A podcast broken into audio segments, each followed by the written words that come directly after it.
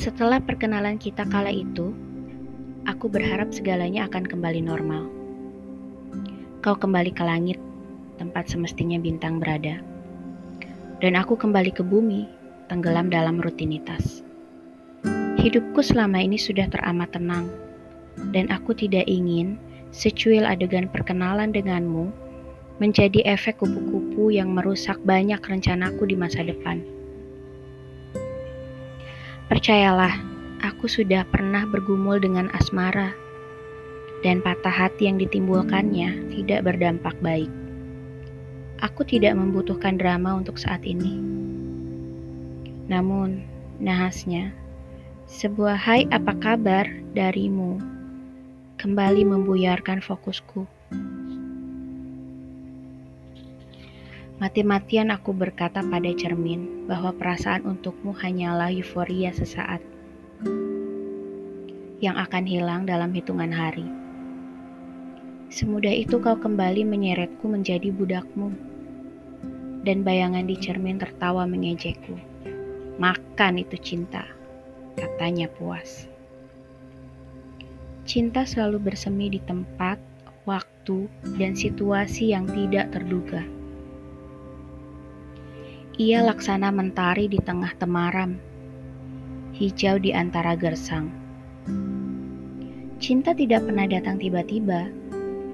Ia akan mengendap-endap, menyusup ke dalam urat nadimu, meledakkan jantungmu, lalu meninggalkanmu terbakar habis bersama bayang-bayangnya. Dan aku hanya mampu menjadi korban dari kerinduan yang mencekik yang tersenyum dengan pipi merah merona tatkala kau menyapaku. Mbak anak kecil menemukan mainan yang paling diidamkan. Memimpikanmu terasa menyenangkan. Meski kau hanya dapat kupandangi dari luar etalase. Kau terlalu mahal untuk kutebus. Atau apakah perlu aku menjadi penjahat saja? Yang mencuri hanya karena aku tak rela orang lain menikmati keindahanmu. Kutampar pipiku sendiri, bukan. Aku bukan anak kecil dan kau bukan mainan. Hatimu bukan untuk kucuri, melainkan untuk kuminta baik-baik. Sebuah "Hai, apa kabar?" mampu membuat seseorang gagal move on aku mulai intens berbincang denganmu. Setelah hai, apa kabar? Ada jangan lupa makan dan selamat tidur. Dan di setiap obrolan kita, aku selalu berusaha mati-matian untuk terfokus pada kata-katamu. Sulit bagiku mendengarkanmu jika parasmu mendistraksiku lagi dan lagi. Kali ini, aku tidak bisa mengelak. Aku yakin bahwa hatiku sudah ada di genggamanmu, menjadi hak milik untuk kau rawat, atau mungkin kau hancurkan. Namun, tak perlulah aku berpikir terlalu jauh.